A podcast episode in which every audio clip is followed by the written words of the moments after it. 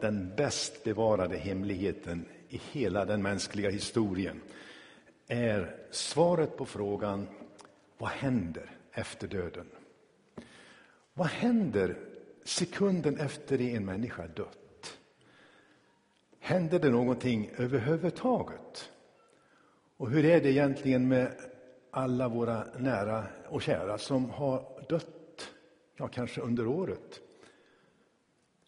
Hur har det gått med dem? Befinner de sig i någon slags medvetet tillstånd eller har de bara försvunnit ur existensen? Jag har hört dem som självsäkert hävdar att när man dör, då är allting slut. Det är som att släcka en lampa, allt blir bara mörkt och det finns ingenting mer. Ibland kanske du och jag också har funderat i de där termerna. Tänk om det inte finns någonting mer som väntar. Om allting bara är slut när vi har dött. I en ateistisk och rent materialistisk världsbild så finns det inget hopp bortom döden. Det finns ingen fortsättning. Det finns ingen som har tänkt vår tillvaro. Det finns ingen avsikt med att vi lever eller dör. Och allra minst så finns det ju grund för någonting efter det här livet. Vi är här en kort sekund och sen ska vi bort för alltid. Är det så? Långt ifrån alla orkar tänka så eller riktigt vara konsekventa med det. Vet du att 20 procent av svenska gymnasister tror på reinkarnationen? Det vill säga att människan dör men föds in i en ny kropp i väntan på ett nytt liv och få leva ett nytt liv i någon annan kroppsform. Det är en tro som är allt vanligare i vår tid. Den har sitt ursprung i hinduismen och buddhismen förstås. Jag kommer ihåg när jag besökte Indien och en av dess heligaste platser, Varanasi nere vid Gangesfloden, så, där man ju tillbeder sina gudar och inte minst Gangesfloden själv som helig flod. Men där fanns det långa stänger med massa korgar uppe på de här stängerna. Och jag frågade vad de var bra för. Och då förklarade man, jo, man har, man har samlat mat i de där korgarna för att de avlidnats själar ska ha någonting att äta i väntan på en ny kropp. Märkligt. Man trodde alltså på en fortsättning, en själavandring som det heter. Jag läste en intervju med Karin Julström, en tv-profil och författare som ni vet här från Göteborg som intervjuades häromveckan i, i Dagen. Hon fick bland annat frågan Vad tror du händer efter döden? Och hon svarade Jag hoppas på någon form av medvetandegrad. Och så citerade hon Håkan Hellström när han sjunger Jag tror när vi går genom tiden att allt det bästa inte hänt än. Det vill säga en förhoppning om att det finns någonting bortom döden som är bättre än vad vi upplever i den här världen och tillvaron. Arkeologiska utgrävningar visar att människor i alla tider, i alla civilisationer och kulturer har haft föreställningar om ett liv bortom graven. Vi har grävt fram gamla stenåldersgravar här också i Sverige och vi har funnit hushållskärl, vi har funnit vapen och mycket annat som man menade i sin tro att de döda skulle ha nytta av i ett kommande liv. Så det tycks vara en nerlagt liksom i människans natur att vilja hoppas och tro att inte det här livet är det enda utan det finns någon slags inneboende protest hos människan mot själva döden. Det får inte vara slut. Är uttrycken för ett sådant hopp bara tecken på okunskap och falska förhoppningar? Handlar det bara om önskedrömmar? Eller beror det på, möjligen, som Bibeln säger, att Gud har lagt evigheten i människornas hjärtan? Och att det är därför som vi har en slags inneboende protest mot själva döden.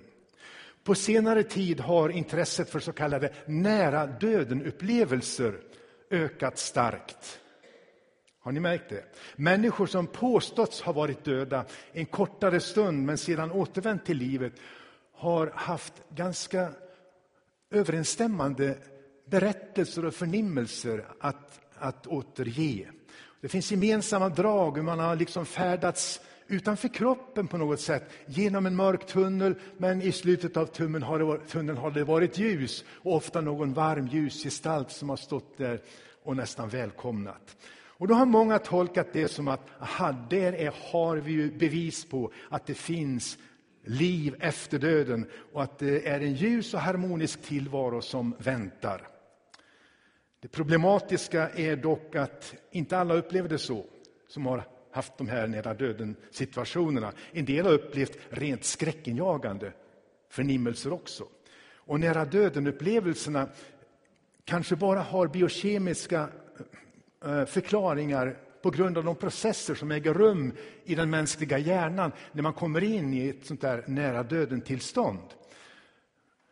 Det är faktiskt så att vissa mediciner och droger kan ge upphov till samma fenomen och upplevelser utan att människorna i fråga har varit nära någon döden-upplevelse.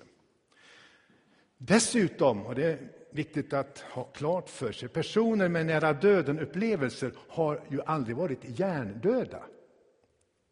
Så frågan kvarstår, vad händer egentligen efter den verkliga döden? Vad menar vi när vi, när vi säger att det finns någonting efter döden. Vi vet att vi alla med säkerhet ska dö. Ingenting kan vara säkrare. Men vad händer sen då? Det finns en intressant, intressant vers i Predikarens bok i Gamla testamentet. Där det står, stoftet vänder åter till jorden, den jord det kommer ifrån. Och anden vänder åter till Gud som gav den. Kroppens död skulle i så fall inte vara slutet. I Nya testamentet så blir det mycket, mycket tydligare. Ni kommer ihåg en av de korsfästa rövarna vid Jesus sida ber Jesus om att han ska tänka på honom när han kommer i sitt rike. Och Jesus svarar så märkligt, sannerligen säger jag dig, idag ska du vara med mig i paradiset. Och ordet paradis betyder trädgård, detsamma som används om Edens lustgård, alltså en mycket vacker och attraktivt tilltalande plats.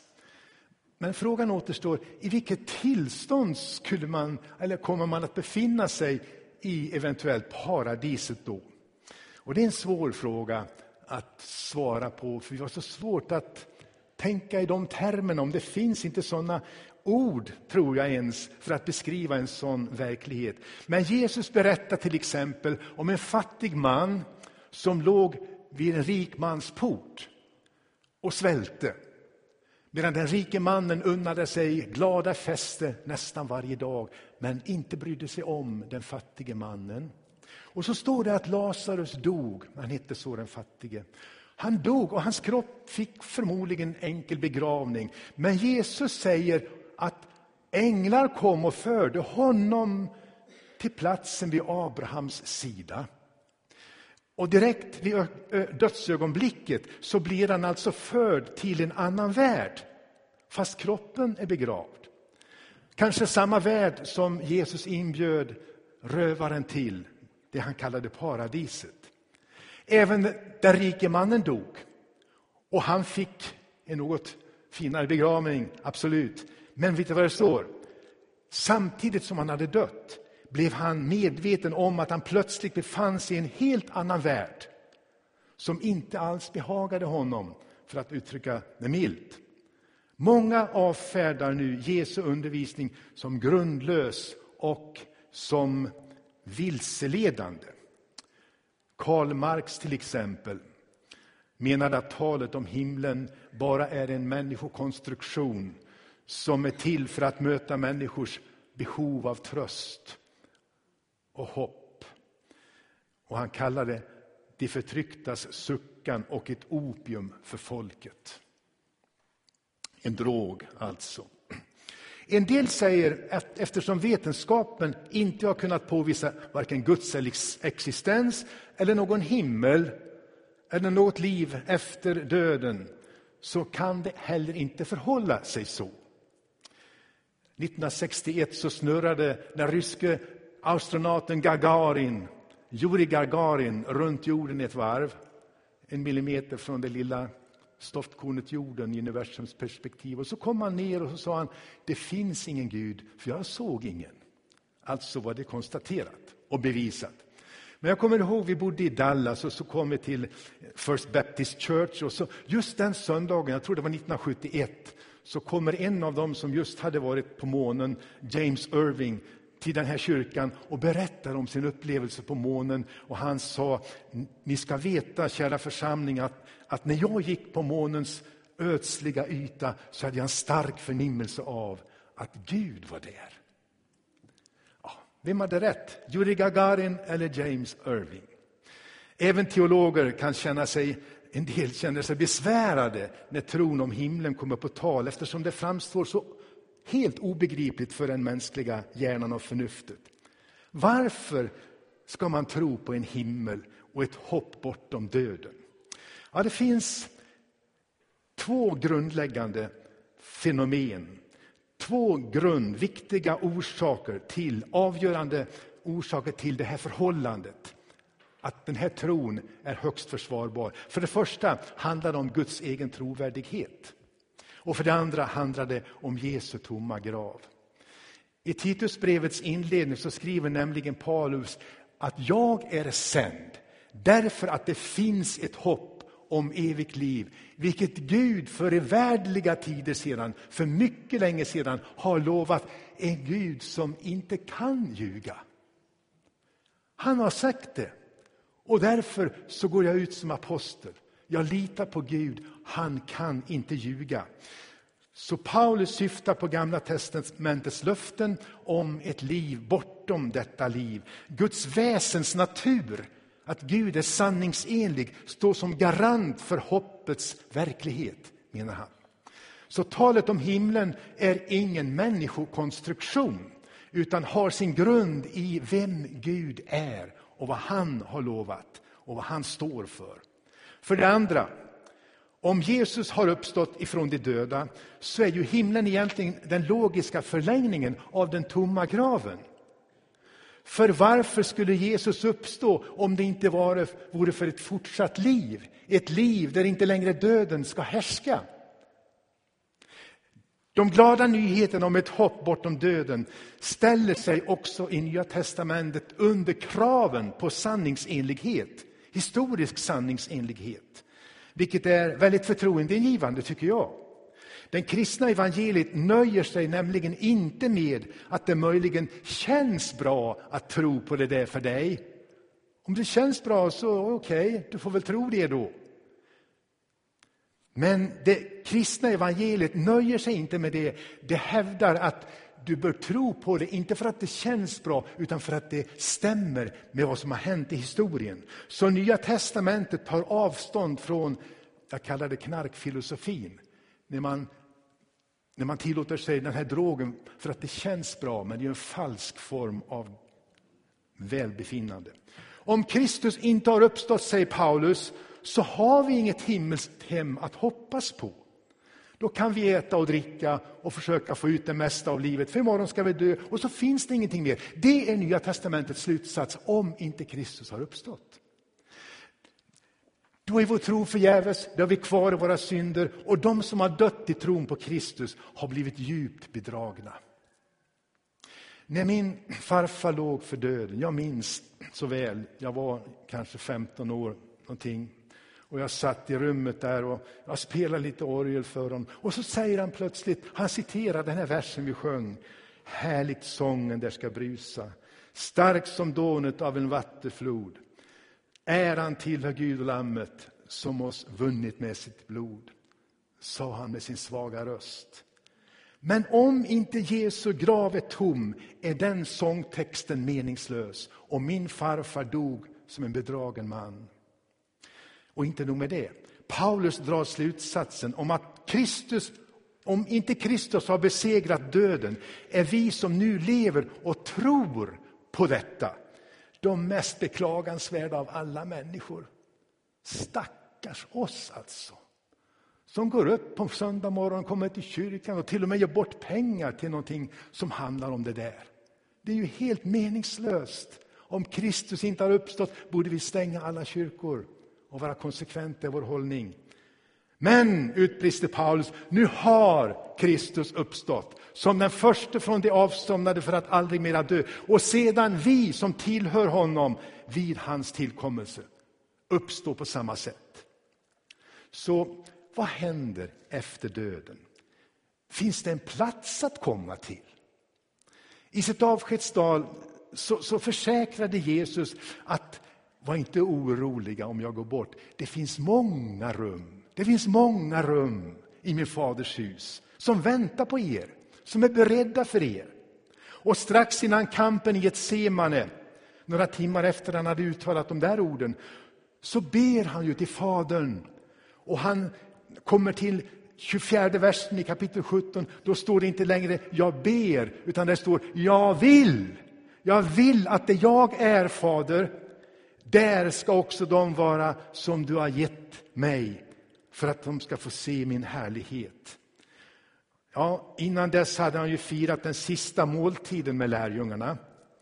Denna måltid som vi idag ska fira här också. Och då sa han ju så här, härefter kommer jag inte att dricka det som kommer från vinstocken förrän jag gör det på nytt i min himmelske faders rike.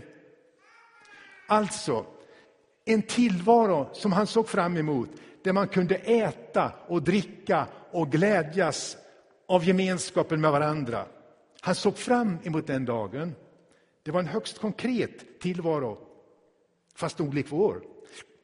Jesus kom inte in i den här världen för att ge oss en morallära. Han kom inte in i den här världen för att ge oss eh, levnad, etiska, goda levnadsregler bara. Han kom in i den här världen för att besegra döden och synden och ge oss ett säkert hopp och ett nytt hem att se fram emot. Ja, det gjorde han.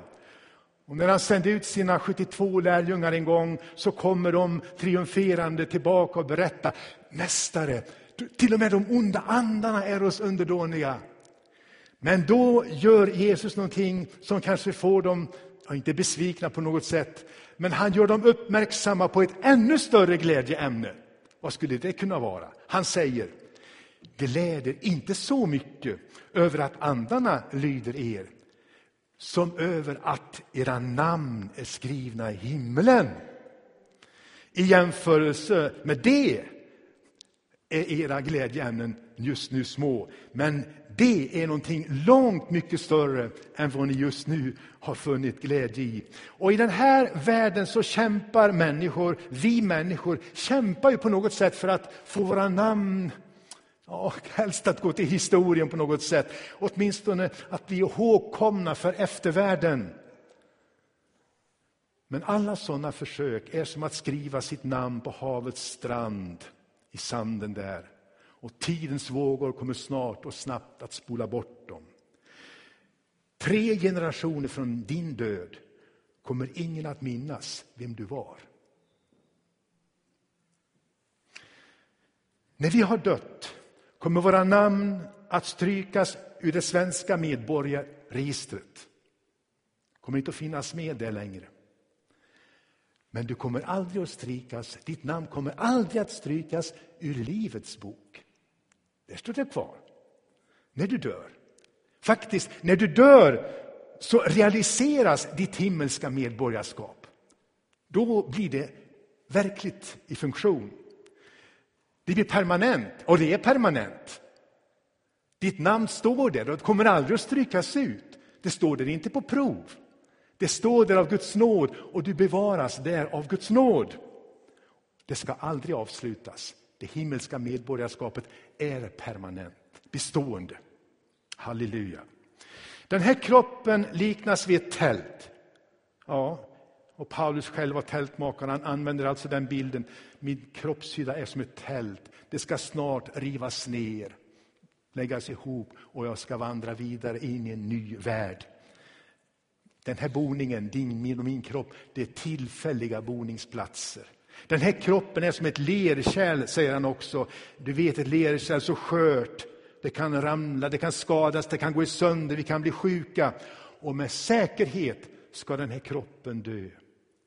Men den, i den himmelska världen ska vi få härlighetskroppar som är befriade från alla de begränsningar som den här kroppen lider av. Jesu uppståndelsekropp står nämligen modell för vilka kroppar du och jag också ska få. Så om vi fortfarande lever när Herren kommer tillbaka så står det att vi ska bli honom lika till vi ska se honom sådan han är. Det verkar som att själva åsynen av den förhärligade Kristus ska ha en förvandlande inverkan på våra kroppar. Och det ska sammanfalla med att himmel och jord ska rensas från all ondska och det ska bli nya himlar och en ny jord där våra nya kroppar ska vara passande att tillbringa evigheten i. Jag, för, jag fattar ju inte det här, va? men uppenbarligen ska en helt ny ekologisk ordning upprättas. Där inte längre dödens lag ska härska. Detta är det storslagna kristna hoppet. Och vi kan veta att om vårt himmelska hem, även om det är så obegripbart för vårt mänskliga tänkande, att det endast kan beskrivas i termer av bilder och symboler. Så är det ju. Man läser Uppenbarelseboken. Oj, oj, oj, man fattar ju inte. Vad ska detta handla om? Himlen liknas både vid ett land och i en stad. Ytterst handlar det om nya himlar och ny jord. Inte helt olik vår jord, tror jag, men mycket, mycket finare och rensad från allt som just nu fördärvar den. Det står i Gamla testamentet, om, nej, det står i Nya testamentet om Gamla testamentets heliga i Hebreerbrevet 11, att de såg detta land i fjärran och bekände sig vara gäster och främlingar på jorden. De längtade efter ett bättre land, ett land i himlen. Därför blygs inte Gud för att kallas deras Gud, ty han har berett en stad åt dem. Det är Guds boning. Gud bor, Gud finns ju överallt, eller hur? Men himlen är den plats där Gud har sin tron. Där Guds härlighet manifesteras i sin fullhet. När det på, 19, när det på 90-talet efter Kristus utbröt en stor förföljelse mot den tidiga kristna församlingen så skuffade man ut aposteln Johannes på ön Patmos i det Egeiska havet för att bli av med honom. Men då öppnar Gud för den åldriga aposteln som säkert var över 90 år, troligen. Han öppnar för honom en insyn in i den himmelska världen och den himmelska staden som han beskriver när han skriver om det i Uppenbarelseboken 21. Den ägde Guds härlighet. Där strålglans var som den dyraste, dyrbaraste ädelsten, som en kristallklar jaspis. Aldrig någonsin ska någonting orent komma dit in, utan endast det som är skrivna i Livets bok som tillhör Lammet. Det vi säkert kan säga om himlen, det är att det är en väldigt vacker plats. Där vi kommer att trivas bra. En plats av renhet, en plats av skönhet och en plats av glädje. Det står redan i Gamla testamentet, Herrens förlossare ska komma till Sion med jubel. Evig glädje ska kröna deras huvuden, fröjd och glädje ska de få, sorg och suckan ska fly bort. Och Jesus säger till den trogne tjänaren i sin liknelse, gå in i din Herrens glädje. Det är ingen risk att det blir långtråkigt i himlen, vad vi än tänker om himlen så kommer den att vida överträffa våra vildaste förväntningar. Och den kommer att vara full av överraskningar. För det står vad inget öga har sett. Oj, det ska vi få se. Vad inget öra har hört. Oj, det ska vi få höra. Och vad ingen mänsklig hjärna har kunnat tänka. Oj, det ska vi börja förstå. För alla dem som har älskat honom har Gud berett de här överraskningarna. Det är väl inte fel? Det ska bli roligt i himlen. Vi kommer att leva i ett ständigt tillstånd av häpnad och förundran som lockar oss till tillbedjan. Och då tänker jag så här, om redan den här världen kan skapa förundran hos oss över den vördnadsbjudande skapelsen som finns omkring oss och över den komplexitet som skapelsen består av. Betrakta bara ett litet gulnat björklöv så full av mysterier. Hur ska det då inte vara i en värld som är rensad från allt ont och nedbrytande? I förhållande till det här livet så innebär den himmelska tillvaron också en avstressande vila. Har du något emot det? Saliga de som dör härefter, står det. Ja, säger anden, de ska få vila sig från sitt arbete, till deras gärningar följer dem. Samtidigt så kommer himlen att sjuda av aktivitet och skaparglädje. Det står att vi ska tjäna honom, kunna tjäna honom dag och natt utan att, att bli, bli trötta, utan begränsningar, uppenbarligen. Vilken överraskningens dag det kommer att bli. När tron ska bytas i åskådning. När vi ska höra lovsången från tusen gånger tusen gånger tiotusen änglar. Och när vi ska vara en del av den oräkneliga skaran av alla folkslag och stammar och länder och språk som ska stå där inför tronen och högljutt lova Gud. Och när det oerhört stora, detta är klimax, när det oerhört stora ska ske, att vi ska få se honom ansikte mot ansikte. Jag anar att detta är den högsta och största formen och renaste formen av lycka som finns. Jesus säger i bergspredikan, du vet, saliga, lyckliga är de renhjärtade. Varför det? De ska få se Gud. De ska få se Gud. Och som ett enda stort frälsningshistoriskt klimax så står det i Bibelns sista kapitel, ingen förbannelse ska finnas mer. Gud, Guds och Lammets tron ska stå i staden och de ska se hans ansikte. Ja, så min vän, bekymra dig inte om att himlen övergår ditt förstånd. Gör inte det. Den övergår allas vår tankeförmåga, men det är ju ganska spännande. Ytterst sett så handlar det egentligen om ett förtroende för Jesus Kristus. Både vad han har sagt och försäkrat oss om och vad han har gjort genom att besegra döden och lämna graven tom. Så jag utmanar dig idag att lita på Jesu egna ord. Det är det du behöver göra. Du, förstår, alltså, du kan säga, jag förstår inte det här, men jag litar på Herren Jesu ord. Som sa till den sörjande Maria, Maria, den som tror på mig ska leva om han än dör. Alltså din bror, om han också är död, ska leva med mig. Och han sa i sin bön, som jag återciterar, Fader, jag vill att det jag är, det ska också alla de vara med mig som du har gett mig, för att de ska få se min härlighet. Det var en äldre man som, som reses upp i en gudstjänst och så bad han, Åh, tack gode Gud, jag har ju tre hem jag.